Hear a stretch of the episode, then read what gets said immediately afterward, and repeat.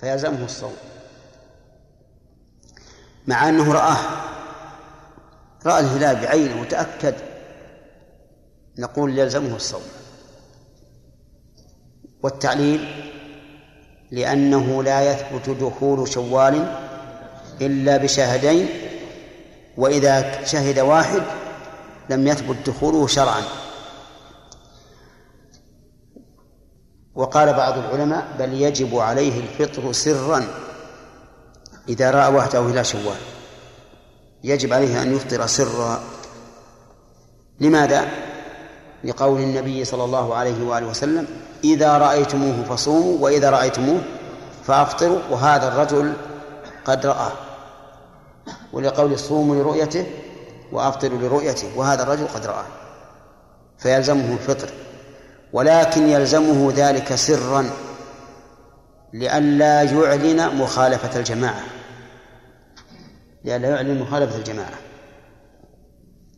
واختار الشيخ الإسلام رحمه الله في هاتين المسألتين أنه يتبع الناس وأنه لو رأى وحده هلال رمضان لم يلزمه الصوم.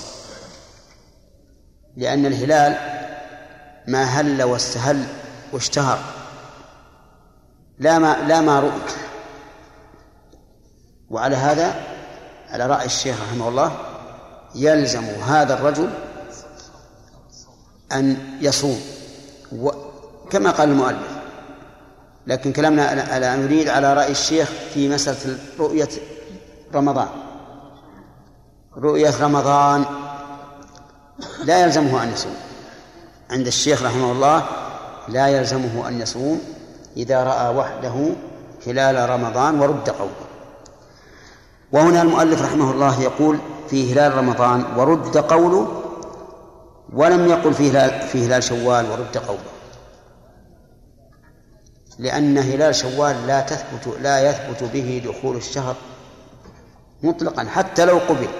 وقيل له أنت رجل عدل ونصدقك بأنك رأيته بأنك رأيته فإنه لا يعتبر بخلاف رمضان. والخلاصة الآن ليتضح المقام. دخول رمضان يثبت بشهادة واحد. ودليله؟ حديث ابن عمر أخبرت النبي صلى الله عليه وسلم أني رأيته فصام وأمر الناس بصيامه. هلال شوال وغيره من الشهور لا يثبت إلا بشاهدين. لقول النبي صلى الله عليه وسلم فإن شهد شاهدان فصوموا وأفطروا. فقال إن شهد شاهدا فصوموا وأفطروا.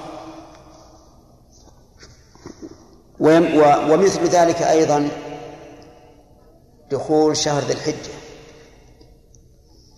لو رأى الإنسان وحده خلال ذي الحجة فهل يثبت دخول الشهر؟ لا. وعلى هذا فلو وقف هذا الرجل بعرفة في اليوم التاسع عنده الذي هو الثامن عند الناس فإن ذلك لا يجزئه و ولو أراد و ولو أراد أن يصوم أن يصوم في اليوم التاسع عنده الذي هو الثامن عند الناس بنية أنه من عرفة فإن ذلك لا يجزئه عن عرفة طيب وفي اليوم التاسع عند الناس الذي هو العاشر عنده هل يجوز أن يصومه؟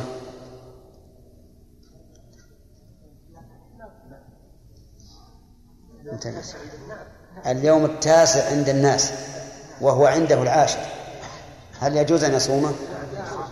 نعم يجوز. يجوز لأنه وإن كان عنده حسب رؤية العاشر لكنه عند الناس التاسع. لم يثبت شرعا دخول شهر ذي الحجة بشهادة هذا الرجل. وعلى هذا فإذا وقف في اليوم العاشر عنده وهو التاسع عند الناس أجزأه الوقوف. أجزأه الوقوف. والذي يظهر لي في مسألة الصوم ما ذكره المؤلف رحمه الله أنه يصوم سرا. أما في مسألة الفطر فإنه لا يفطر. وهذا من باب الاحتياط. نكون احتطنا في الصوم واحتطنا في الفطر. ففي الصوم قلنا له صوم وفي الفطر قلنا له لا تفطر صم. لأن لأنك وإن رأيته فإن الاحتياط أن لا تفطر تبعا لمن؟ تبعا للجماعة. هذا عندي أقرب مع أن المسألة تحتاج إلى إلى إلى نظر. وأما أما شيخ الإسلام رحمه الله فقال المعتبر ثبوته شرعا لا عبرة برؤيته لأن الهلال هو ما استهل وظهر وبان. وأما أن ينفرد برؤية رجل فهذا لا ينبني عليه حكم. ثم قال المؤلف مبينا من يلزمه الصوم يلزم الصوم لكل مسلم مكلف قادر. طيب. يلزم الصوم لكل مسلم. وضده الكافر.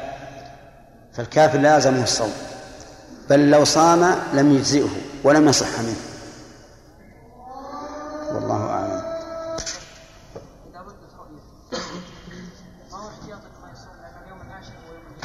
نعم.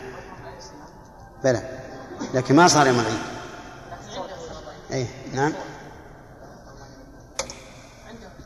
اي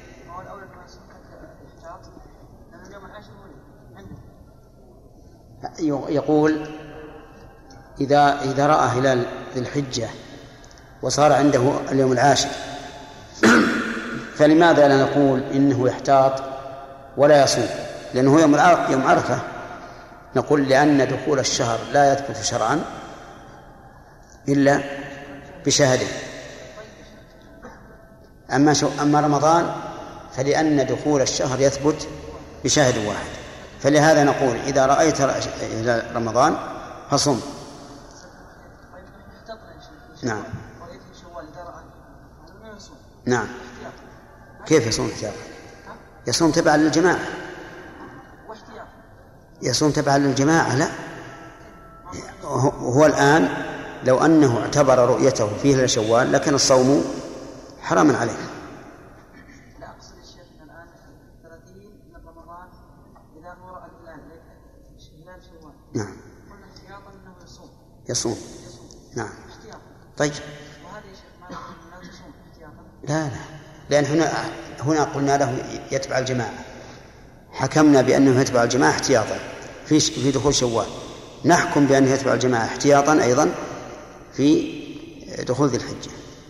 نعم يوم رمضان ثم ارتد ثم بعد اليوم يعني فات اليوم هل يلزمه القضاء؟ يعني ثم عاد الإسلام ما يلزمه القضاء. في حال الكفر لا يلزمه القضاء.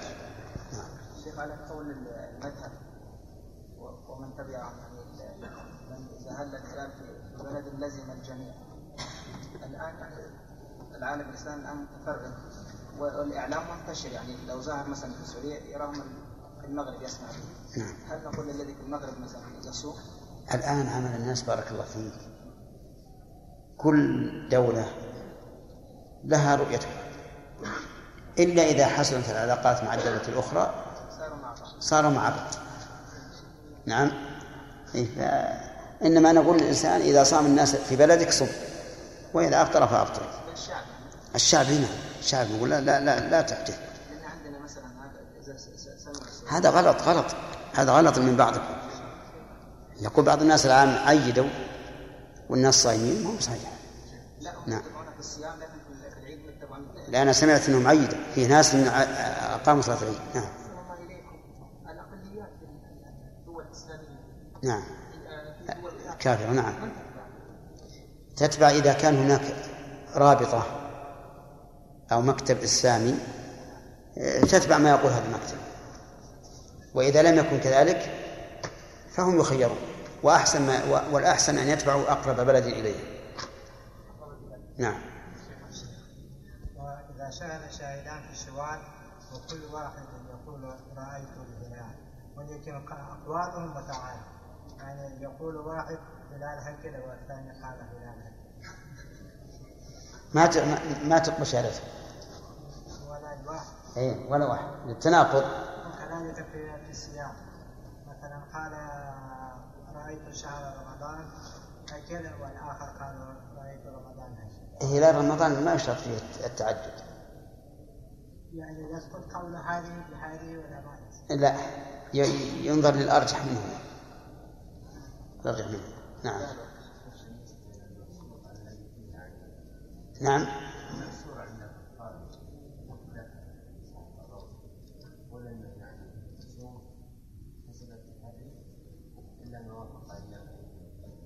المحبوس. المحبوس يعني. نعم. يلزم التحري. وماذا يصنع؟ إيه. لأنه يكون وافق وقت نهي. إيش عندنا؟ بسم الله الرحمن الرحيم. الحمد لله رب العالمين والصلاة والسلام على أشرف الأنبياء والمرسلين. أما بعد قال المؤلف رحمه الله تعالى ويلزم الصوم لكل مسلم مكلف قادر. وإذا قامت البينة في أثناء النهار وجب الإمساك والقضاء على كل من صار في أثنائه أهلا لوجوبه. وكذا حائض ونفساء طهرتا ومسافر قدم مفطرا. ومن أفطر لكبر أو مرض لا يرجى برؤه أطعم لكل يوم مسكينا. بسم الله الرحمن الرحيم. الحمد لله رب العالمين وصلى الله وسلم على نبينا محمد وعلى آله وأصحابه ومن تبعهم بإحسان إلى يوم الدين. لما ذكر المؤلف رحمه الله ما يثبت به دخول الشهر ذكر من يلزمه الصوم فقال ويلزم الصوم لكل مسلم يعني لا كافر. الإسلام ضده الكفر فالكافر لا يلزمه الصوم ولا يصح منه الصوم. ومعنى قولنا لا يلزمه أننا لا نلزمه به حال كفره ولا بقضائه بعد إسلامه. أما دليل الأول فقوله تعالى وما منعهم أن تقبل منهم نفقاتهم انتبه حجاج إلا أنهم كفروا بالله وبرسوله ولا يأتون الصلاة إلا وهم كسالى ولا ينفقون إلا وهم كارهون.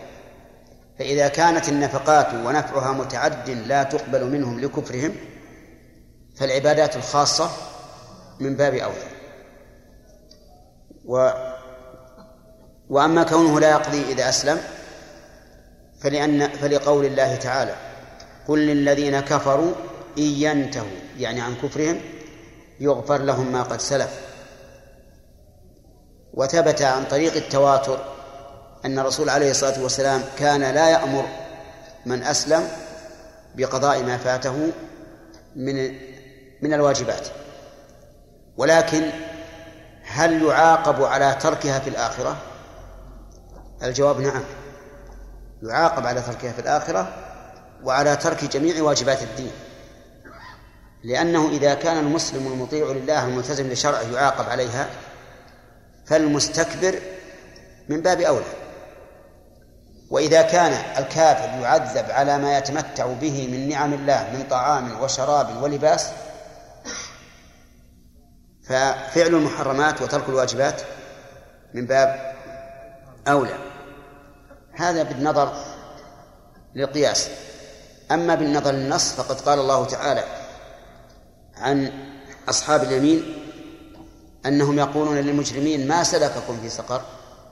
قالوا لم نكن من المصلين ولم نكن نطعم المسكين وكنا نخوض مع الخائضين وكنا نكذب بيوم الدين فهذا هو الذي أدخلهم في سقر فإن قال قائل تكذيبهم بيوم الدين كفر وهو الذي أدخلهم في سقر قلنا لكنهم ذكروا أربعة أشياء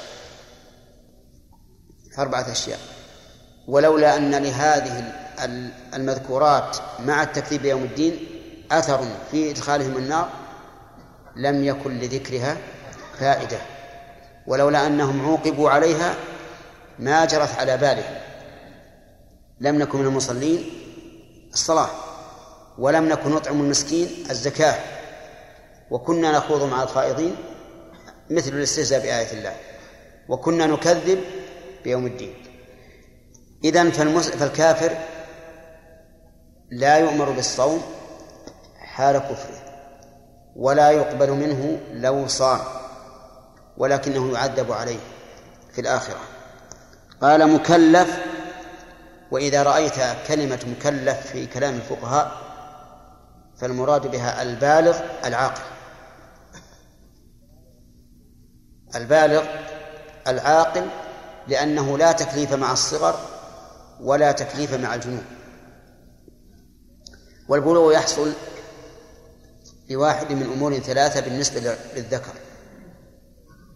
تمام خمسة عشرة سنة إنبات العانة إنزال المني بشهوة. وللأنثى بأربعة أشياء هذه الثلاثة ورابع وهو الحيض. فإذا حاضت فقد بلغت ولو لم يكن لها إلا عشر سنين. المجنون العاقل ضده المجنون أي فاقد العقل من مجنون ومعتوه ومهذر وما أشبه ذلك. كل من ليس له عقل بأي وصف وصف فإنه ليس بمكلف وليس عليه شيء من واجبات الدين لا صلاة ولا صيام ولا إطعام ولا شيء يعني لا يجب عليه إطلاقا. لا يجب عليه إطلاقا. وعليه فالمهذري الكبير المهذري المخرف لا يجب عليه صوم ولا إطعام. لماذا؟ لفقد الأهلية أهلية التكليف وهي العقل قادر يعني يعني قادرا على الصيام. احترازا من من العاجز. فالعاجز ليس عليه ليس عليه صوم. لقوله تعالى ومن كان مريضا أو على سفر فعدة من أيام أخرى. لكن بالتتبع والاستقراء تبين أن العجز ينقسم إلى قسمين قسم طارئ وقسم دائم. فالقسم الطارئ هو المذكور في الآية. عليه عدة من أيام أخرى. والدائم هو المذكور في قوله تعالى وعلى الذين يطيقونه فدية طعام مسكين حيث فسرها ابن عباس رضي الله عنهما بالشيخ بالشيخ والشيخة لا يطيقان الصوم فيطعمان عن كل يوم مسكينا والحقيقة أنه بالنظر للآية لظاهر الآية ليس فيها دلالة على ما فسرها به ابن عباس رضي الله عنه.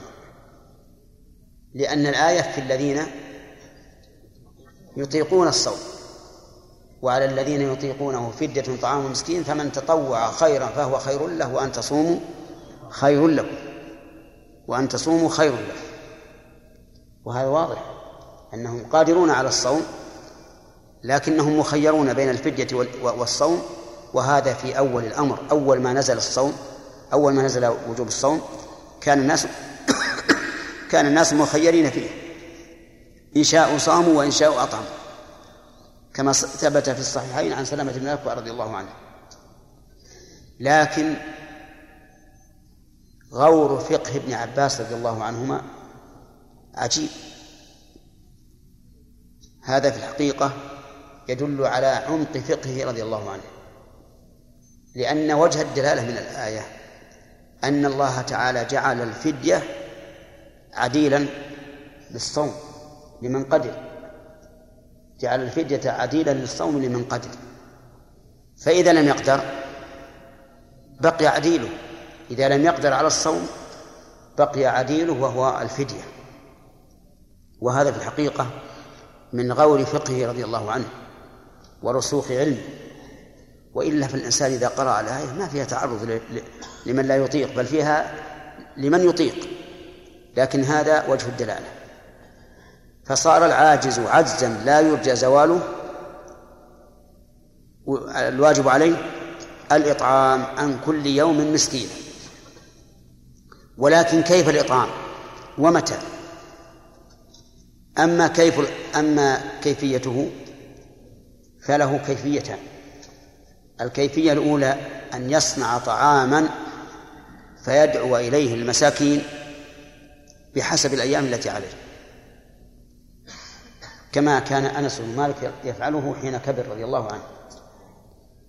الكيفية الثانية أن أن يطعمهم طعاما غير مطبوخ. طعاما غير مطبوخ. قالوا في هذه الحال يطعمهم مد بر أو نصف صاع من غيره أي من غير البر. ومد البر خمس ربع الصاع النبوي خمس الصاع الحالي عندنا في القصيم. فالصاع فالصاع النبوي أربعة أمداد. والصاع النبوي أربعة أخماس صاعنا.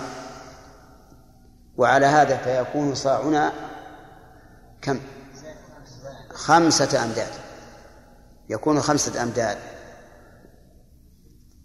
فيجزئ من البر عن خمسة أيام لخمسة مساكين. لكن ينبغي في هذه الحال أن يجعل معه ما يؤدمه من لحم أو نحوه حتى يتم قوله تعالى وعلى الذين يطيقونه فدية طعام مسكين هذه الكيفية. أما متى؟ فهو بالخيار. إن شاء فدى عن كل يوم بيوم. وإن شاء أخر إلى آخر يوم لفعل أنس رضي الله عنه. وهل يقدم قبل؟ هل يقدم قبل ذلك؟ يعني لو قال أنا أريد أن أخرج الفدية في أول يوم من رمضان. نقول لا. لا تقدم. لأن تقديمك الفدية كتقديمك الصوم. فهل يجزي أن تقدم الصوم في شعبان؟ لا. إذا لا تقدم الفدية. فإما أن تجعله كل يوم بيومه أو في آخر يوم من رمضان. الخلاصة الآن أن قول المؤلف قادر ضده العاجز وأن العجز ينقسم إلى قسمين وعرفتم حكم كل منهما ودليله. بقي عليه بقي عليه شرط خامس أو رابع؟ مسلم مكلف قادر. رابع على كلام المؤلف. رابع. وهو المقيم. أن يكون مقيما. فإن كان مسافرا لم يجب عليه الصوم. لقوله تعالى ومن كان مريضا أو على سفر فعدة من أيام أخرى فعدة من أيام أخرى وقد أجمع العلماء الظاهرية وغير الظاهرية أنه يجوز للمسافر الفطر. واختلفوا فيما لو صام. فذهبت الظاهرية وبعض أهل القياس إلى أنه لا يصح لا يصح صوم المسافر. وأنه إذا صام فقد قدم الصوم عن وقت وجوبه فيكون كما لو صام في في شعبان. وحجتهم قوله تعالى ومن كان مريضا أو على سفر فعدة من أيام أخرى. فأوجب عليه عدة من أيام أخرى. لأن عدة هذه مبتدأ خبرها محذوف. التقدير فالواجب أوفى عليه عدة ولكن قولهم ضعيف. فإنه ثبت أن النبي صلى الله عليه وآله وسلم صام في سفره في رمضان. وثبت أن الصحابة كانوا يسافرون في رمضان فمنهم الصائم ومنهم المفطر فلا يعيب الصائم على المفطر ولا المفطر على الصائم. وحينئذ يكون المراد بالآية بيان البدل بيان البدل أن عليه عدة من أيام أخر لا وجوب أن تكون عدة من أيام أخرى طيب إذن المسافر لا يلزمه الصوم. لكن يلزمه القضاء كالمريض. وحينئذ نسأل أيما أفضل للمريض والمسافر أن يصوما أو يفطرا نعم. يف... نقول الأفضل أن يفعل الأيسر. فإن كان في الصوم ضرر كان الصوم حراما. لقول الله تعالى ولا تقتلوا أنفسكم إن الله كان بكم رحيما. فإن هذه الآية تدل على أن ما كان ضررا على الإنسان فإنه منهي عنه. ولكن لو قال قائل الآية في القتل لا في مطلق الضرر. قلنا نعم هذا ظاهر الآية أنه في القتل لا في مطلق الضرر لكن عمرو بن العاص استدل بها على نفي الضرر فأقره النبي صلى الله عليه وسلم على ذلك. وذلك في قصة أنه بعثه مع سرية فأجنب فأجنب فتيمم ولم يغتسل فقال له النبي صلى الله عليه وسلم أصليت بأصحابك وأنت جنوب؟ قال يا رسول الله ذكرت قول الله عز وجل ولا تقتلوا أنفسكم إن الله كان بكم رحيما وكانت الليلة باردة. فتيممت. فضحك النبي صلى الله عليه وآله وسلم. تقريرا أو تحذيرا؟ تقريرا بفعله. وهذا يدل على أن الآية تتضمن أن النهي عن القتل وعن ما فيه الضرر. وعليه فنقول إذا كان الصوم يضر المريض كان الصوم حراما عليه. فإن قال قائل ما مقياس الضرر؟ قلنا مقياس الضرر. قد يعلم بالحس وقد يعلم بالخبر. أما بالحس فأن يشعر المريض نفسه بأن الصوم يضره. ويثير عليه الأوجاع ويوجب تأخر البر وما أشبه ذلك. وأما الخبر فأن يخبره طبيب عالم ثقة بذلك أي بأنه بأنه مريض سبحان الله بأنه يضره بأنه يضره. طيب إن أخبره عام ما هو عالم ما هو طبيب. فهل يأخذ بقوله؟ لا. إن أخبره طبيب غير عالم لكنه متطبب فإنه لا يأخذ بقوله. إن أخبره طبيب غير ثقة فإنه لا يأخذ بقوله. ولكن هل يشترط في الثقة أن يكون مسلما؟ لأن غير المسلم لا يؤمن. نعم. لا الصحيح لا. وأننا متى وثقنا بقوله عملنا بقوله. في إسقاط الصيام وفي إسقاط الصلاة قائما مثلا وما أشبه ذلك. لأن مثل هذه هذه الأشياء صنعة. وقد يحافظ الكافر على صنعته وسمعته. فلا يقول إلا ما كان صوابا في اعتقاده وهو هذا. وها هو النبي صلى الله عليه وآله وسلم وثق بكافر في أعظم حال خطرة.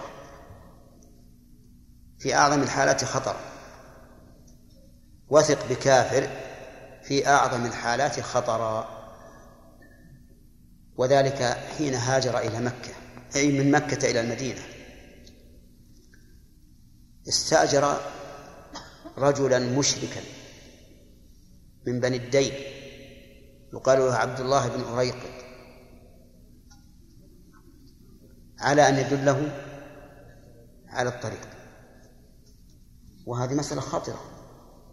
لأن قريشا كانت تبحث عنه وأخرجت مئة بعير للنبي عليه الصلاة والسلام ومئة بعير لأبي بكر يعني أخرجوا مئتين بعير على من دلهما على رسول الله صلى الله عليه وسلم وأبي بكر. ومثل هذا عوض مغري لهذا الرجل المشرك لكن الرسول عليه الصلاة والسلام كان واثقا منه فدل هذا على أن المشرك أو الكافر إذا وثقنا منه فإننا نأخذ بقوله. طيب. بالنسبة للسفر هل الأولى أن يصوم أو الأولى أن لا يصوم؟ نقول مذهب الحنابلة أن الأولى أن يصوم أن لا يصوم بل كرهوا الصوم. والشافعية قالوا الأولى أن يصوم. والصحيح التفصيل في هذا أنه إذا كان الفطر والصوم سواء فالصوم أفضل وإن شق عليه الصوم من أجل السفر نعم فالفطر أولى فالفطر أولى. الدليل على هذا التفصيل هو أن النبي صلى الله عليه وآله وسلم كان يصوم في السفر. ولم يفطر إلا حين قيل له إن الناس قد شق عليهم الصيام وإنهم ينتظرون ما تفعل. فإنه في غزوة الفتح صام حتى بلغ كراع الغميم فأتوا إليه وقالوا يا رسول الله الناس قد شق عليهم الصيام وإنهم ينتظرون ما تفعل. مع علمهم بأن الصوم بأن الإنسان مخير لكن يريدون تمام التأسي برسول الله صلى الله عليه وسلم. فدعا بماء بقدح من ماء بعد صلاة العصر يعني ما بقي على الغروب إلا قليلا. بعد صلاة العصر ورفعه. على فخذه حتى رآه الناس فشرب والناس ينظرون إليه عليه الصلاة والسلام. ليقتدوا به لأنه إمامهم وهم ينتظرون ما يفعل. فجيء إليه فقيل إن بعض الناس قد صام. قال أولئك العصاة أولئك العصاة. لأنهم صاموا مع المشقة ومع أن رسولهم عليه الصلاة والسلام وإمامهم أفطر ثم يبقونهم صياما. هذه معصية. فسماهم عصاة. فإذا نقول الصواب هو هذا أنه مع المشقة يكون الفطر أولى وإذا كانت المشقة شديدة يخشى على الإنسان من ضررها كان حراما.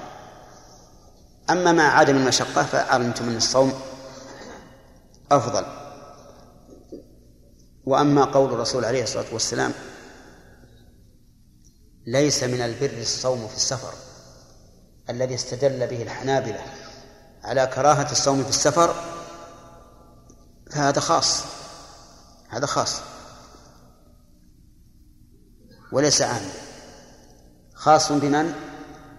بالرجل الذي رآه النبي صلى الله عليه وسلم قد ذلل عليه وازدحم الناس عليه ينظرون حاله. فقال ما هذا؟ قالوا صائم. قال ليس من البر الصوم في السفر. فنقول إنه خاص بهذا الرجل. ها. أجي نعم. قولوا العبرة بعموم اللفظ لا بخصوص السبب. العبرة بعموم اللفظ لا بخصوص السبب. وحينئذ نجيب على هذا فنقول الخصوصية نوعان. خصوصية شخصية وخصوصية نوعية. نوع وشخص. فالخصوصية الشخصية أن تقول هذا الحكم خاص بهذا الرجل لا يتعداه إلى غيره. هذا يحتاج إلى دليل. وهذا هو الذي نقول فيه العبرة بعموم اللفظ لا بخصوص السبب. فآية اللعان آيات اللعان وردت في قصة رجل معين آية الظهار كذلك. فهل العبرة بالعموم أو بالخصوص؟ بالعموم. كل أحد يثبت هذا الحكم. الثاني النوع الثاني من الخصوصية الخصوصية النوعية. وإن شئت فقل الخصوصية الحالية يعني التي لا يثبت بها العموم إلا لمن كان مثل هذا الشخص أي مثل حاله أو مثل نوعه. فيقال ليس من البر الصوم في السفر لمن؟ ها لمن شق عليه كهذا الرجل كهذا الرجل. ولا يعم كل إنسان صام. فهذا هو التفصيل في شرط أن يكون مقيما. في شرط خامس الخلو من الموانع وهذا خاص بالنساء. فالحائض لا يلزمها الصوم والنفساء لا يلزمها الصوم. ودليل ذلك قول النبي صلى الله عليه وآله وسلم مقررا ذلك أليس إذا حاضت لم تصلي ولم تصم فلا يلزمها الصوم إجماعا. ولا يصح منها إجماعا ويلزمها قضاؤه إجماعا. ثلاث ثلاث إجماعات. أن الصوم لا يلزمها وأنه لا يصح منها وأنها تقضيه. والنفساء كالحائض في هذا. ثم قال المؤلف وإذا قامت البينة في أثناء النهار وجب الإمساك والقضاء على كل من صار في أثنائه أهلا لوجوبه. يعني وإن لم يكن حال الفطر من أهل الوجوب. ولهذا قال في أثنائه أي أثناء النهار أهلا لوجوبه. إذا قامت البينة البينة في دخول الشهر واحد أو متعدد؟ واحد. لا لا البينة البينة. ما أذكر ما أقول متى يجب الصوم. واحد. إذا قامت البينة في أثناء النهار مثل أن يكون الذي رآه في مكان بعيد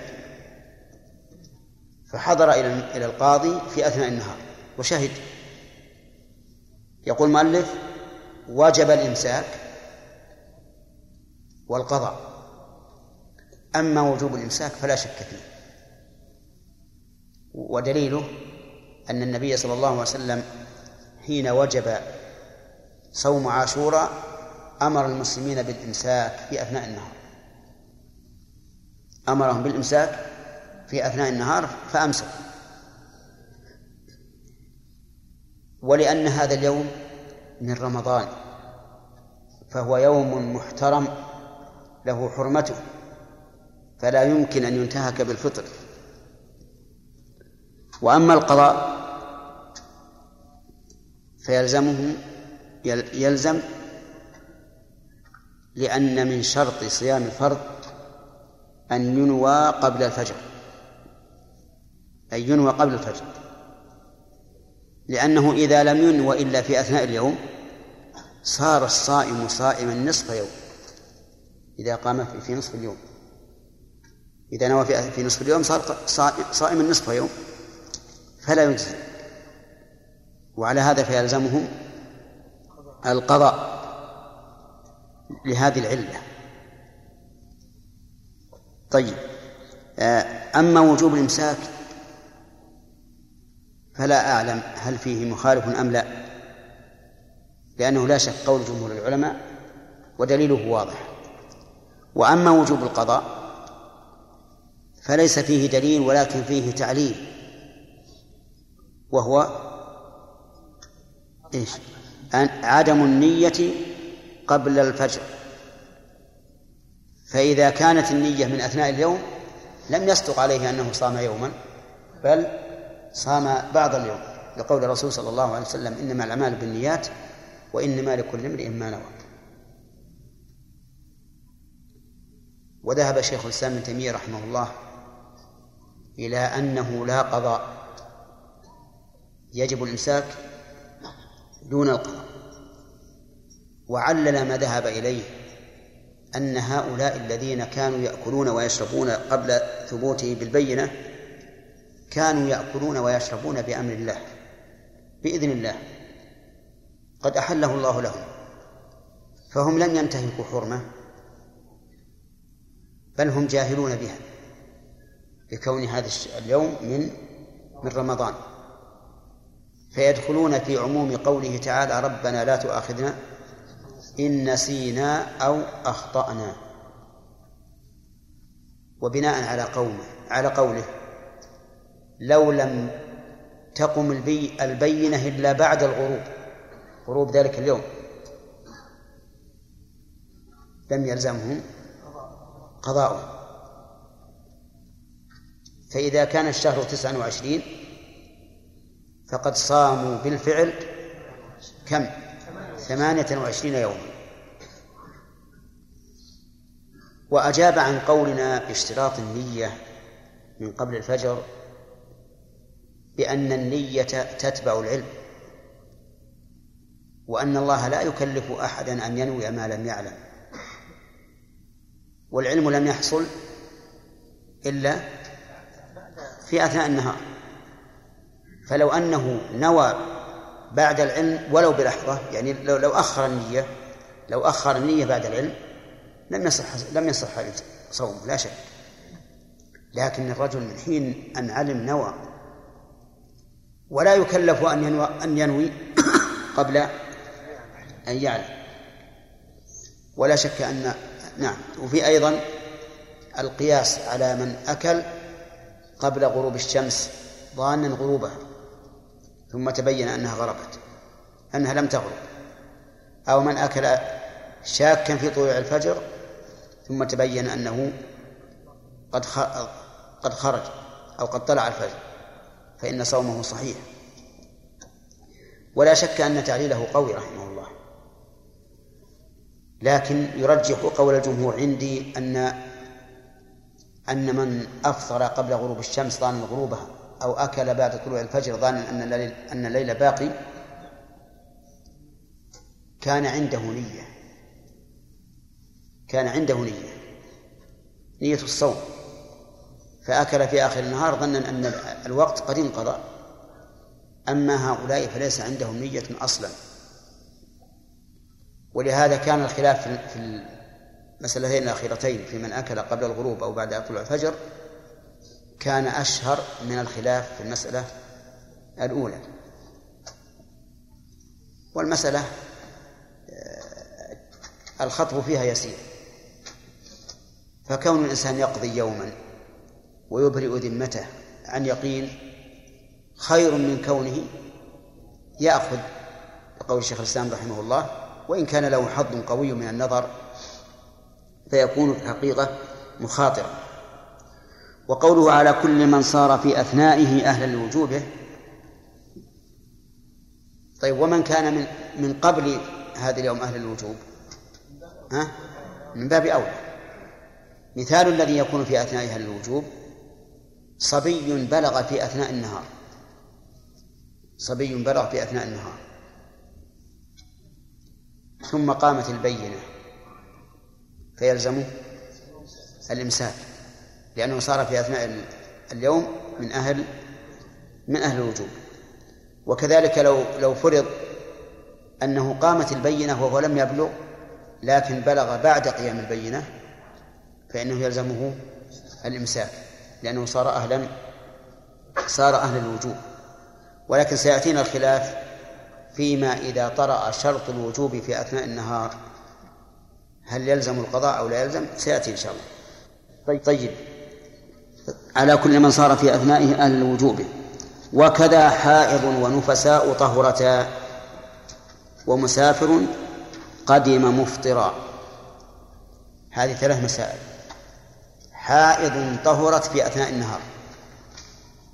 ماذا يلزمها؟ على كلام المؤلف الإمساك والقضاء. نفس طهرت في أثناء النهار. يلزمها الإمساك والقضاء. مسافر قدم مفطرا يلزمه الإمساك والقضاء. طيب لماذا؟ لأنه بزوال المانع صار من أهل الوجوب. بزوال المانع صار من أهل الوجوب فألزمناه بالقضاء بالإمساك. ولكونه متلبسا بمانع في أول النهار وليس من أهل وليس من أهل الوجوب ألزمناه بالقضاء ألزمناه بالقضاء. وهذه المسألة فيها عن أحمد روايتان. رواية ما ذهب إليه المؤلف ورواية أخرى لا يلزمه الإمساك. لا يلزم الإمساك في هذه الصورة. لكن عليهم القضاء.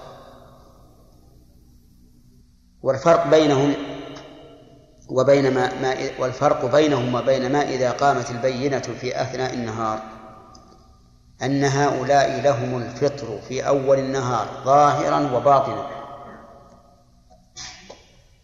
انتبه. هؤلاء الثلاثة لهم الفطر في أول النهار ظاهرا وباطنا. فاليوم في حقهم غير محترم. لكن إذا قامت البينة في أثناء النهار وكان الرجل في أول النهار قد أكل وشرب. فإن له الفطر ظاهرا لا باطنا. ظاهرا لا باطنا. لأنه لو علم في أن في أن هذا اليوم في في في أن أول النهار من الشهر لزمه الإمساك. بخلاف من قدم من من قدم من السفر وهو مفطر أو حاضر أو طهر الحائض والنفساء فإنهم يعلمون أن اليوم من رمضان لكن لا حرمة لهذا اليوم في حقهم. ولهذا ذكر صاحب المغني عن ابن مسعود رضي الله عنه أنه قال من أكل في أول اليوم فليأكل في آخره يعني من حل له الأكل في أول اليوم حل له الأكل في آخر اليوم. وهذا هو الصحيح. الصحيح أن المسافر إذا قدم مفطرا إذا قدم إلى بلده مفطرا فإنه لازمه الإمساك. وأن الحائض إذا طهرت مفطرة لازمها الإمساك. العبارة السليمة؟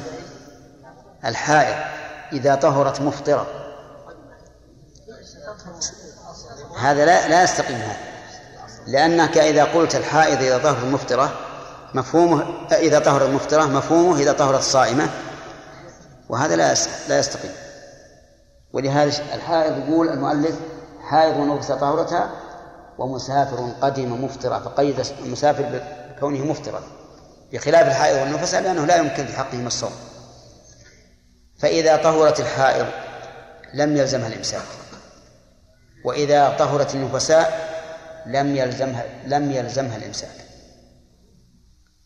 وحينئذ يمكن أن نأتي بمسألة معاياة. يعني لغز. فيقال رجل بالغ عاقل قادر مسلم في بلده جاز أن يجامع زوجته في نهار رمضان. مسافر قدم مفطرا على امرأته التي طهرت من الحيض. نعم. مسافر قدم مفطرا ها على امرأة طهرت من الحيض فيجوز له أن يجامعها نعم؟ لأن لأن كل واحد منهما لا يلزمه لا يلزمه الإمساك طيب. هذه هذه المسألة هذه المسائل الثلاث يمكن أن نعبر عنها بعبارة عامة. فنقول إذا إذا زال مانع الوجوب في أثناء النهار. إذا زال مانع الوجوب في أثناء النهار. فهل يلزم القضاء؟ الجواب نعم. هل يلزم الإمساك؟ في في خلاف. المذهب نعم يلزم الإمساك. والصحيح لا يلزم لا يلزم الإمساك. وعرفتم التعريف أن هؤلاء الثلاثة ليس لهذا اليوم حرمة في حقه لأنهم يجوز لهم الأكل في أول النهار ظاهرا وباطنا. طيب المريض إذا برئ في أثناء النهار وهو مفطر. مثله. نعم لأنه زال مانع الوجوب. كالمسافر إذا قدم مفطر طيب رجل اضطر إلى الفطر لإنقاذ غريب غريق أو حريق قال لا أستطيع أن أنقذه وأنا صائم أنا تعبان قلنا يجب عليك أن تفطر لإنقاذه فأفطر لإنقاذه أفطر لإنقاذه هل نقول إذا أنقذه إذا أنقذه يلزمه الإمساك؟ ها؟ لا لماذا؟ لأن هذا الرجل حل له الفطر. حل له الفطر لسبب مباح. فلا يلزم. امرأة أفطرت خوفا على رضيعها. خوفا على رضيعها. لأنها ترضعه. وفي أثناء النهار مات. مات الرضيع. يلزمها الإمساك. ينبني على الخلاف. على القول الصحيح لا يلزمها إذن يعنون عن هذه المسائل بماذا؟ إذا زال مانع الوجوب هل يلزم الإمساك؟ الجواب الصحيح؟ أن أن نقول الصحيح لا والمذهب يلزم. طيب. ما ما تبقى دخل طيب. هل يشترط بالنسبة إلى النية في الصورة الاجتماعية ولا لكل صوم نية؟ يسأل. يقول هل يجب لكل صوم نية أو تكفي نية رمضان في أوله؟ الصحيح أنه يكتفى بنية واحدة من أول الشهر ما لم يوجد عذر يبيح الفطر في أثناء الشهر فيفطر فإنه لا بد من تجديد النية.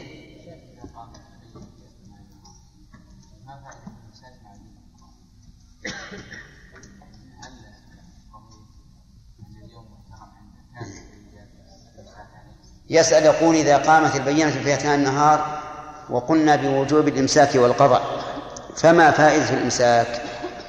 فائدة الإمساك أن الأصل في هذا الرجل أن يمسك. لكن رفع عنه الوجوب من أجل الجهل. فتبين الآن أنه يلزمه الإمساك. وبقي النظر لماذا لا تك... لا, لا يجزئ الإمساك بعض النهار لأنه غير عالم؟ فقلنا إن إن, إن هذا الرجل لم ينوي من أول من قبل الفجر.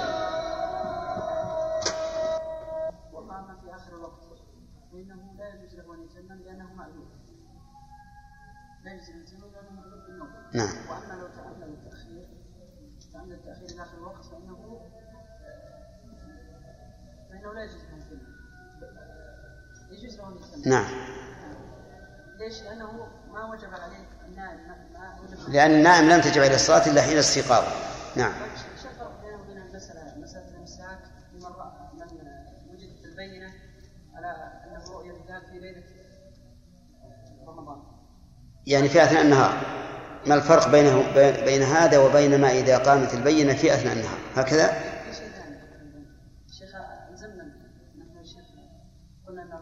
اترك الشيء الثاني. الآن آه. نحن قلنا ان الصيام يوم الشك يحرم وانه لو صامه فانه يبطل ولا يصح نعم. كيف يا شيخ لو نهيناهم عن الصيام يوم الشك فلما تبين ليس هذا يوم شك. لا يوم الثلاثين ليس هذا يوم شك. قد يكون عندهم ليس شيء. قد يكون الجو صاحي. وقد يكون يظنون ان اليوم هذا 29 المسألة الفرق بين المسألة هذه والمسألة الأولى أن النائم معذور. معذور بنومه مرفوع عنه القلم. وهذا معذور بجهله. نعم. ولذلك لا, لا نؤثمه ولا نقول تأثم بأكلك وشربك بفعل مفسد. هذا مفسد للصوم. لكن نقول لما لم لما لم يوجد الشرط وهو نية الصوم من أول النهار فسد المشروع. نعم.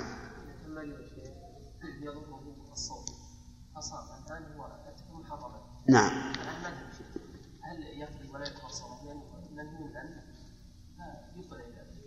لا. يقولون ان هذا النهي لا يعود إلى ذات العبادة. يعود إلى ضرر المرء.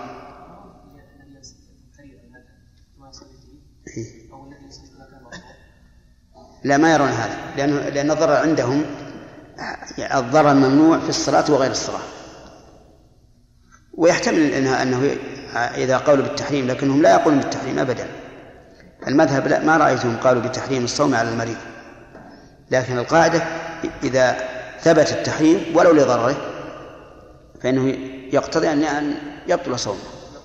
هذا القاعدة. نعم؟ أي نعم رجع إلى إلى أمر خارج وهو ضرر الرجل به. مثل الحرير. الحرير يعود إلى أمر خارج وهو يكون محرم على على الرجال لأنهم ليسوا أهلا للبس الحرير. الحكم لو قالوا بالتحريم يلزم على قاعدة من لا يصح. الله انه يصح لأن هذا أمر خارج. نعم. ها؟ ياثم ما في شك. ياثم نعم. ليس من عادته يصوم يوما معينا من الأيام المعتادة ثم صام يعني مثلا يوم الاثنين أو الخميس فقال إن كان غدا صوما فهو من رمضان. نعم. وإن لم يكن صوما فهو يوم الأحد. فهو نفي. نعم. وليس من عادته نعم. فعند شيخ الإسلام يصح. وعلى المذهب لا يصح. والله أرى أنه ما يجعل ذلك. إن كان من رمضان فهو فرض. وإلا فليس بفرض ولا ولا ينوي عن هذا اليوم. لكن مثل لو صادف مثل الليلة الاثنين لو قال أنا أصوم يوم الاثنين إن كان من رمضان فهو فرضي وإن كان من غير رمضان فهو نفل فهذا على عند الشيخ يصح. نعم. نعم. إي لكن في احتمال أن يكون من رمضان. في احتمال انه يكون من رمضان. لا لو مش الشك اللي نشك في دخوله من أجل غيم أو قتل. نعم. أحسن الله إليكم في مسألة إذا قامت البينة بالرؤيا في أثناء النهار قلتم لا نعلم خلافا في وجوب الإمساك نعم. أحسن الله إليكم كان بعض العلماء ذكر رواية ولا بهذا صح أو لا نعم. لأنه لا إمساك واستدلوا بقول ابن مسعود من أفطر أول النهار من أكل في أول النهار فليأتي آخره نعم وكانوا عللوا بأن الاستدامة أفضل من الابتداء هل هذا لا ما هو صحيح. أولا معنى كلام المعسود من حل له الأكل. أي نعم نعم. والمسافر. ولا ولا على هذا. نعم. طيب. والثاني الثاني أنه لما تبين من رمضان ما صار يوم شك ولا صار سابقا عليه بيوم أو يومين. صار الآن من رمضان حسب الواقع. نعم. إذا كان من عادته أن يصوم يوم الاثنين فلا فلا يدخل لا يدخل في النهي لكن هو ما صام يوم الاثنين. صام لاحتمال أن يكون من رمضان. فاشترط في نيته إن كان من رمضان فهو فرض وإلا فهو نفي لأنه لأن فيه احتمال أن يكون من رمضان. فإذا تبين من رمضان صح. وإن لم يتبين يكون داخلا في النهي يعني نقول الاولى إنك لا تصوم. إي نعم. الأولى لا يصوم ما في شك الأولى لا يصوم قال أبو بكر لعمر رضي الله عنه يا عمر إن لله حقا في الليل لا يقبله في النهار وحقا في النهار لا يقبله في الليل وإنها لا تقبل نافلة حتى تؤدى فريضة. إي نعم. وش السؤال؟ يعني معناه أنه إذا أخر الإنسان عمل النهار إلى الليل لم يقبل. كما لو أخر صلاة الظهر فصلاها في في المغرب ما صحت ولا قبلت. ولو أخر صلاة العشاء إلى إلى إلى النهار لم تقبل. قول لا تقبل نافلة حتى تؤدى الفريضة. هذا ليس على على إطلاقه لأن من الفرائض ما يكون موسعا. فتصح النافلة فيه. فصلاة الظهر مثلا فريضة. ويجوز للإنسان أن يتنفل ما بين الأذان والإقامة لأن الوقت واسع. لكن لو ضاق الوقت على على صلاة الفريضة لم تقبل النافلة. كالفائتة أو مثل رمضان بقي على شعبان أربعة أيام وعليه أربعة أيام ما يصح. وهذا يقول من طلاب نحن نحن طلاب نتردد من المجمع كل يوم. أنت من تردد المجمع؟ وتدركنا صلاة الظهر في بريدة فهل لنا أن نجمع مع صلاة صلاة العصر جمع تقديم؟ وتقصر الصلاة علما أن بلدنا يبعد عن بريدة 139 كيلو متر والله الأحوط أن لا يفعل لأن هذا لا يعد سفرا يأتون يؤدون الدرس ويرجعون. وإن فعلوا فلا بأس. يقول صاحب قطع غيار ثلاجات وبعض القطع يحول عليها الحول وبعضها يتجدد بالشهر أعني أنه يشتري بالقيمة التي باعت بها قطع غيار أخرى.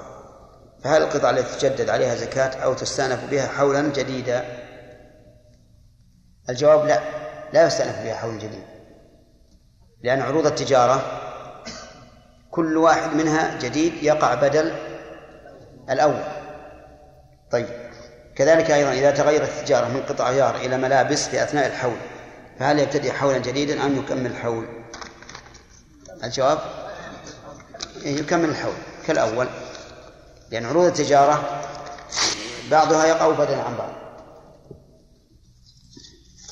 وهذا امرأة حاضت بعد أن أحرمت وجماعتها لن ينتظروا حتى تظهر لأنهم يريدون العودة إلى مناطقهم.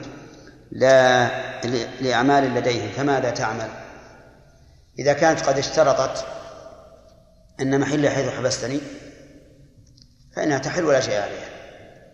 ولهذا ينبغي للمرأة لو تنبهون النساء ينبغي للمرأة التي حول الحيض أن تنبه على هذا. ويقال اشترطي أن محلي حيث حبستها لتكون في سعة وإن لم تشترط فإن كان يمكن رجوعها لإكمال عمرتها مثل أن يكون بلدها قريبا وإذا طهرت سهل أن ترجع فعلت. وإن لم يمكن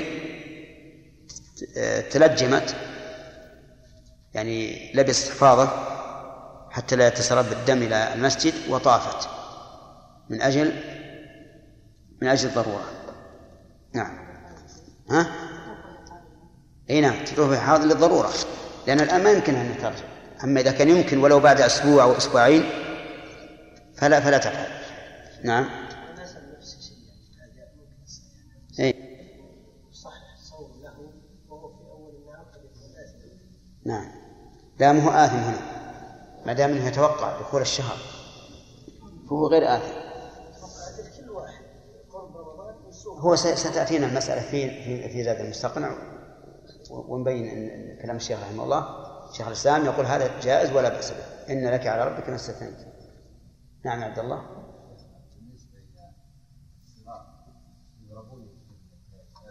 إيش؟ لا. يأمره به.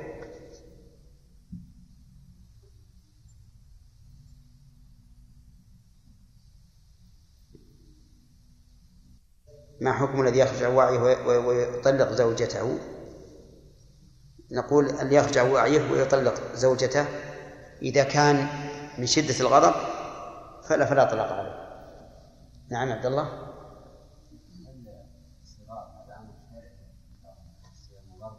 لا. الأولى أن لا يضرب لكنهم يلزمون به. المذهب يجوزون الضرب لكن الضرب إنما ورد في الصلاة. لا الصبيان مو من الشروط أن يكون بالغ عاقل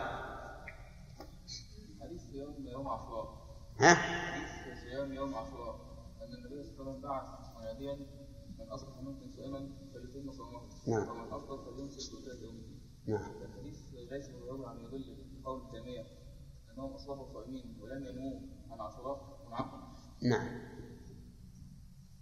إيش تقولون في هذا؟ شيخ الإسلام استدل بهذا لكن ليس فيه دليل. لأن هذا تجدد الوجوب شرعا. أما مسألة رؤية الهلال فالهلال شرط للوجوب وليس وليس هو وليس التكليف حدث من جديد. العلم برؤية الهلال شرط للوجوب. وأما وأما قصة عاشوراء هو أصلا لم يجب إلا حين أوجبه الرسول عليه الصلاة والسلام. نعم أحسن الله إليك ذكروا الفقهاء مسألة وقالوا إنه يعانى بها وهي إذا كان مسافر ومريض يقول فأفطر فإنه لا قضاء عليه ولا فدية الكبير الذي لا يقدر على الصوم. نعم. إذا سافر. إي نعم. يقول لا قضاء عليه ولا فدية. ولكن هذا القول ضعيف جدا. وذلك لأن هذا الرجل لم يج... لا- ليس أهلا لوجوب الصوم. الواجب عليه الفدية ويستوي فيها السفر والحضر والذي يسقط عن عن المسافر هو الصوم وهذا أصلا ليس ليس واجبا عليه واجب نعم؟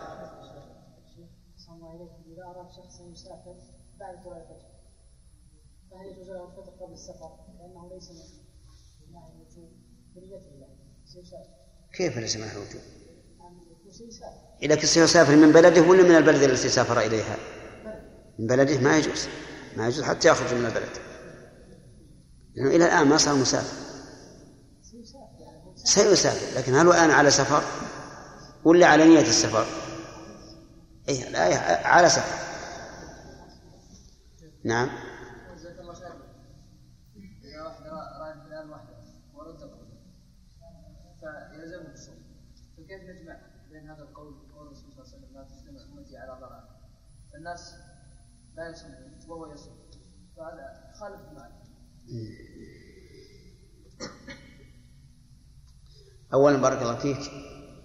الحديث لا تجتمع أمتي على ضلالها هم ما اجتمعوا على على ضلالها ما اجتمعوا. لأن هذا الرجل مخالف. عرفت؟ وهذا الحديث أيضا في صحته نظر. بعضهم حسن وبعضهم ضعفه لكن ظاهر القرآن مثل قوله ومن يشاقق الرسول من بعد ما تبين له الهدى ويتبع غير سبيل المؤمنين نوليه ما تولى أنه أن الإجماع حجة. نعم. إيش؟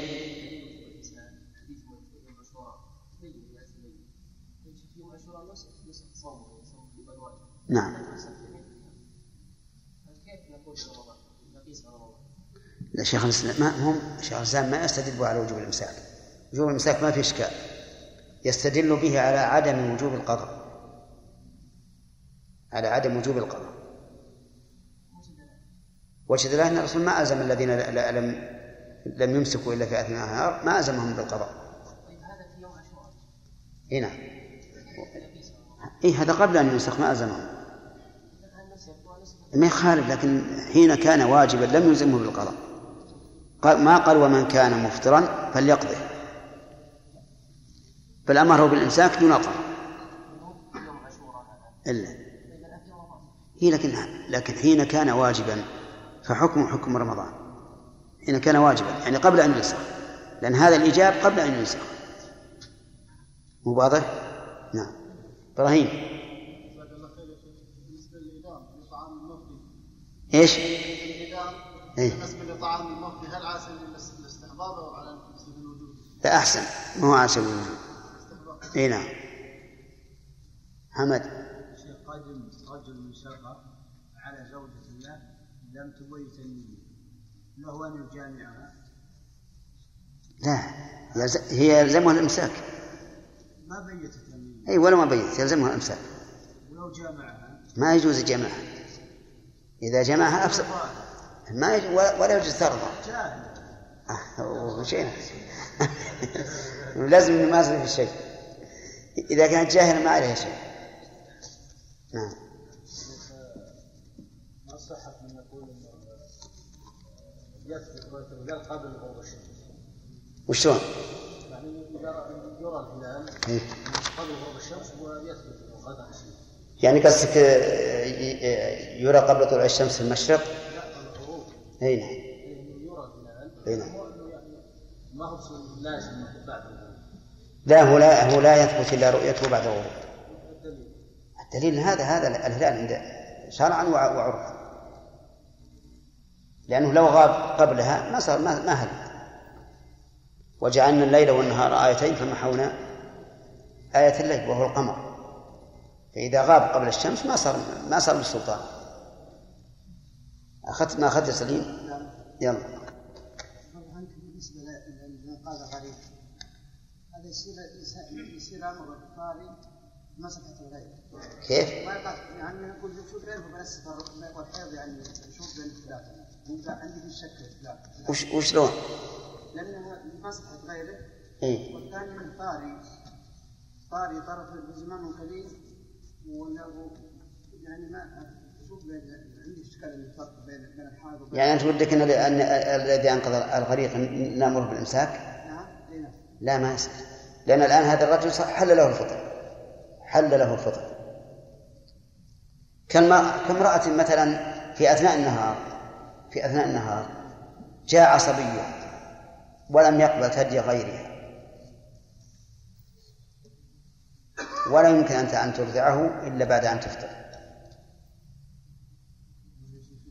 لا ما واضح. نعم. القاعدة أن العبادات لا تلزم قبل بلوغ المكلف. نعم. يجب عن هذا قبل بلوغ المكلف بالحكم الشرعي. قبل بلوغ المكلف الحكم الشرعي. الحكم الشرعي. أما سبب الوجوب فلا يدخل في هذا. لأنه لو قال قائل أنا ما علمت أن الشمس زالت. هل نسقط عن صلاة الظهر؟ نعم. وهذا مراده إنما تلزم قبل العلم يعني العلم بالحكم الشرعي لا لا العلم بسبب الوجوب وش الكلام هذا؟ شو يقول؟ مصرف الزكاة شيخ. نعم. قلتم ممكن الانفاق على طلاب العلم من من من المصرف في سبيل الله فهل الانفاق على بناء مدرسة أو مستشفى في بلد إسلامي يعاني من الشرك والتوفير يدخل في هذا الاطار؟ لا ما يدخل في هذا. هذه من أعمال البر العامة. لكن مسألة لا لكن مسألة العلم العلم جهاد في سبيل الله. لأن لأن الدين الإسلامي يقوم بالعلم والجهاد. بناء عيب؟ لا لا. بناء المدرسة سكن لطلاب العلم لو لو قالوا ما, ما عندنا الا الزكاه ما إحنا نتبرع عند هذا لا يتبرعون يصرف يصرفون الزكاة في مصارفها شيخ سؤال امس اولئك النفر الذين نسوا الصوت السابع من طواف الافاضه كتب عليهم عمره ولكن اوردتم انه لا يجامع لأن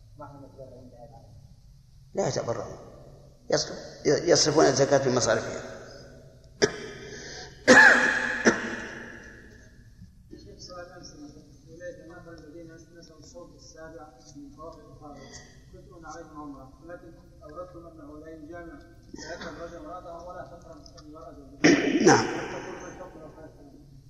لو حدث عن جهل ما عليهم شيء. القاعدة أن كل محظور فعله الإنسان جاهلا فلا شيء عليه. لو كيف الصوت ما يخالف ما عليه شيء ما عليه شيء.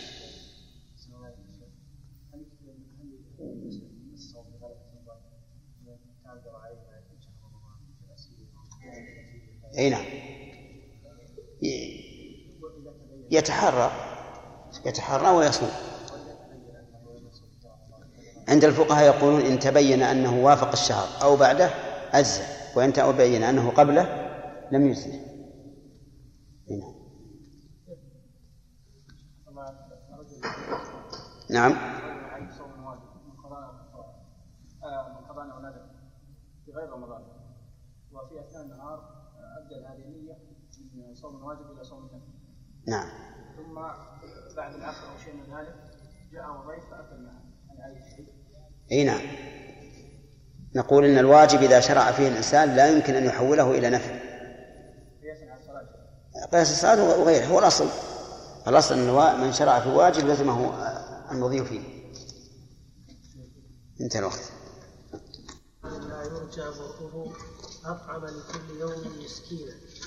ويسن لمريض يضره ولمسافر يقصر. وإن نوى حاضر صوم يوم ثم سافر في أثنائه فله الفطر وإن أفطرت حامل أو مرضع خوفا على أنفسهما قضتا فقط وعلى ولديهما قضتا وأطعمتا لكل يوم مسكينا. ومن نوى الصوم ثم جن أو أغمي عليه جميع النهار جميعا. أو أغمي عليه جميع النهار ولم يفرق جزءا منه لم يصح صومه. لا إن نام جميع النهار. بسم الله الرحمن الرحيم. الحمد لله رب العالمين وصلى الله وسلم على نبينا محمد وعلى آله وأصحابه ومن تبعهم بإحسان إلى يوم الدين. سبق لنا شروط من يلزمه الصوم وأنها عبد الملك. نعم. نعم. نعم. نعم.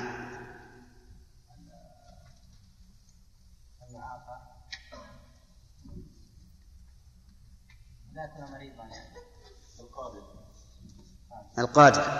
طيب. المكلف يعني البالغ العاقل.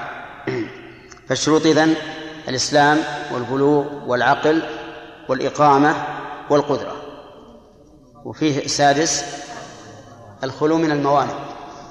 الخلو من الموانع يعني أن لا تكون المرأة حائضة ولا نفسها طيب. يقول مالك رحمه الله تعالى ومن عجز هذا مبتدا درس الليلة؟ قال ومن أفطر لكبر أو مرض لا يرجى برؤه. أطعم لكل يوم مسكينا. من أفطر لكبر اللام هنا للتعليل أي من أجل الكبر وهو التقدم في السن. يتقدم في السن ثم يعجز عن الصوم. نعم. نعم. ما أدري أخذناها. أي نعم. طيب إذا شئتم نشرحها اشرحنا طيب. ما يخالف ما يخالف. يقول إذا قامت البينة في أثناء النهار وجب الإمساك والقضاء على كل من صار في أثنائها أي في أثناء النهار أهلا لوجوبه أي الوجوب؟ الصوم. مثل صغير بلغ في أثناء النهار. يجب عليه الإمساك. مجنون عقل في أثناء النهار يجب عليه الإمساك. لوجود سبب الوجوب في أثناء النهار فإذا وجد السبب وجد إيش؟ المسبب.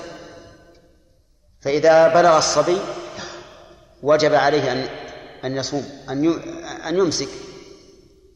حتى لو كان قد أكل أو شرب في أول النهار فإنه يلزمه الإمساك. وكذلك أيضا يلزمه على المذهب القضاء. والصحيح أن القضاء لا يلزمه. وذلك لعدم وجود سبب الوجوب في أول النهار. فهو في أول النهار غير مكلف. فإذا وجد سبب التكليف في أثناء النهار وجب عليه الإمساك فقط. وكذلك المجنون. لو كان الرجل مجنونا ثم عقل في أثناء النهار في في رمضان فإنه يجب عليه الإمساك لوجود سبب الوجوب وهو العقل قال المؤلف والقضاء يعني ويجب عليه القضاء. وهذا أحد القولين في المسألة. قالوا يجب عليه الإمساك لأنه صار أهل الوجوب. ويجب عليه القضاء لأنه لم ينو من أول النهار. ولهذا لو كان صائما وبلغ في أثناء النهار فإنه لا يلزمه القضاء لأنه قد نوى الصوم من أول النهار. ولكن الكلام على من نوى في أثناء النهار والصحيح أنه لا يلزمه القضاء لعدم تكليفه. وعلم من كلام المؤلف أن من علم أنه يبلغ غدا فإنه لا يلزمه الصوم. من أين يؤخذ؟ من قوله في أثناء النهار. وجب الإمساك. فإذا قدرنا أن هذا الشخص يعلم أنه غدا يتم له خمس عشرة سنة أي يبلغ في أثناء النهار فإنه لا يلزمه الإمساك لعدم التكليف.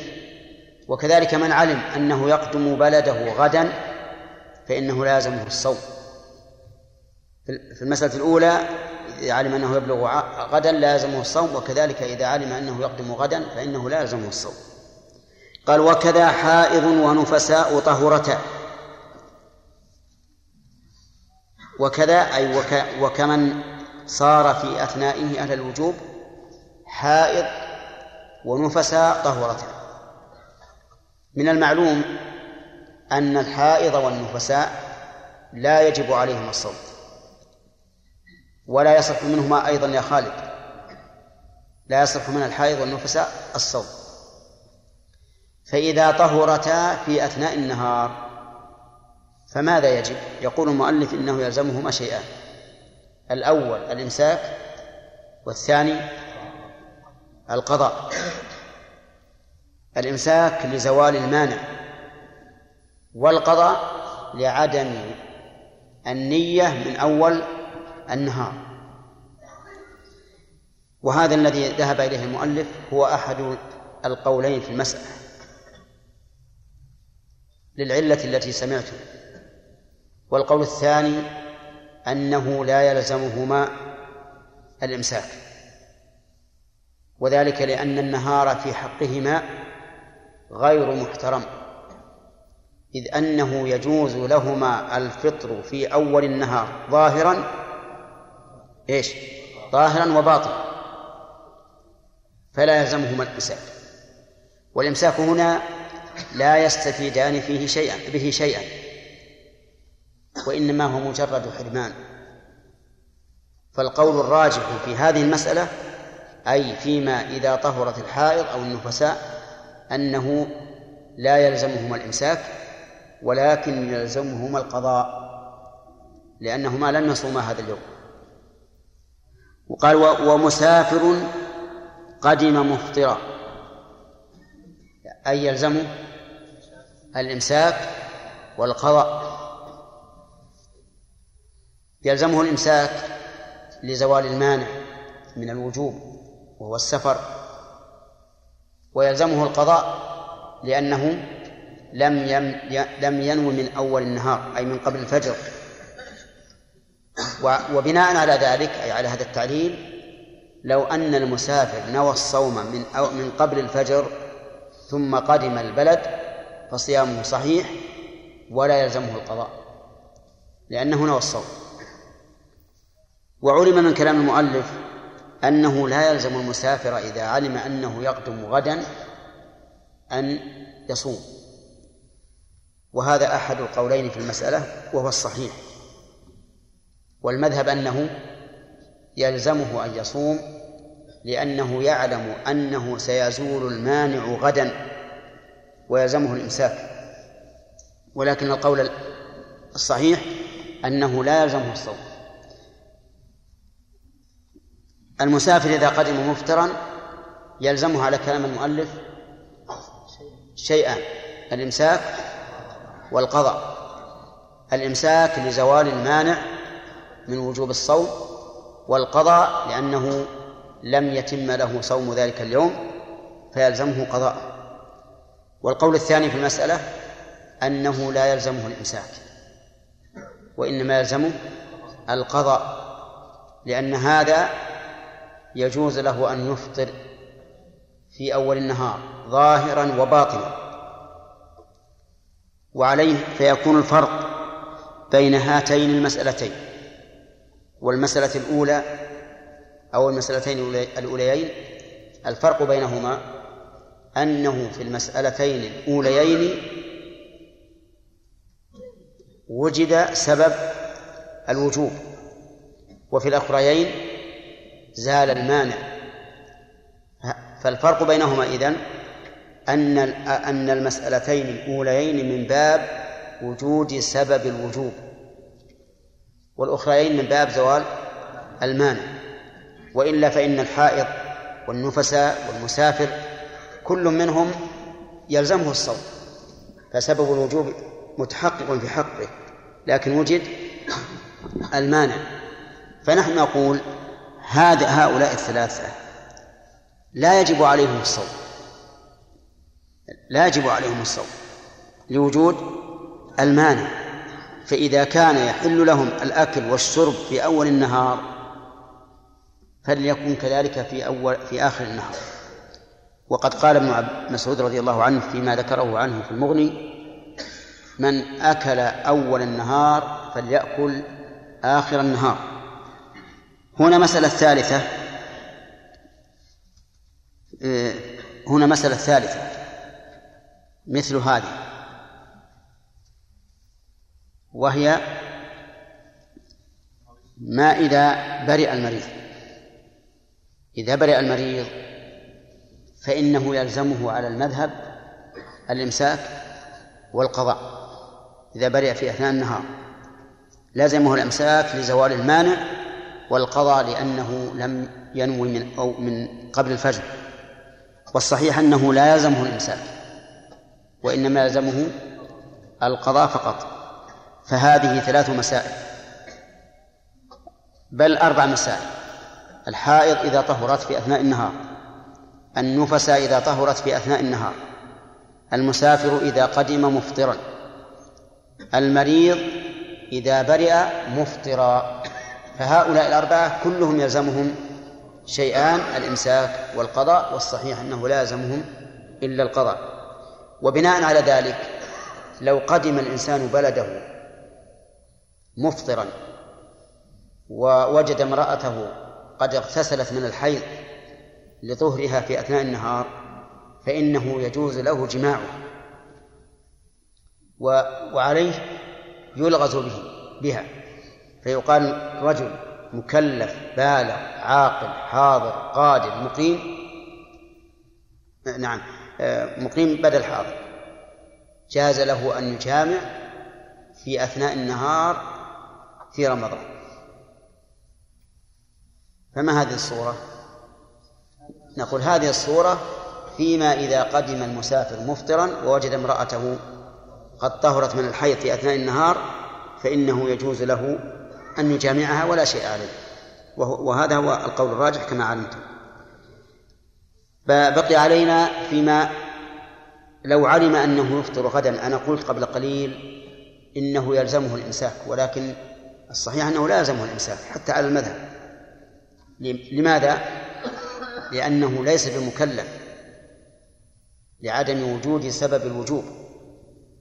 بخلاف من علم أنه يقدم غدا فإنه يلزمه الإمساك لأن سبب الوجود موجود في حقه فلزمه. والصحيح في المسألتين أنهما لا يلزمه أنه لا يلزمه الإمساك فيهما.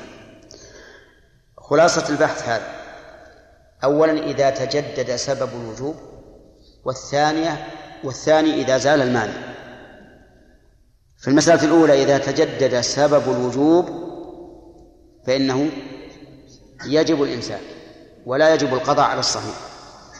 والمذهب يجب الإمساك والقضاء. مثاله من بلغ في أثناء النهار أو مجنون عقل في أثناء النهار. المسألة الثانية إذا زال المانع في أثناء النهار. فالمذهب يلزم الإمساك والقضاء والصحيح أنه يلزم القضاء دون الإمساك. طيب.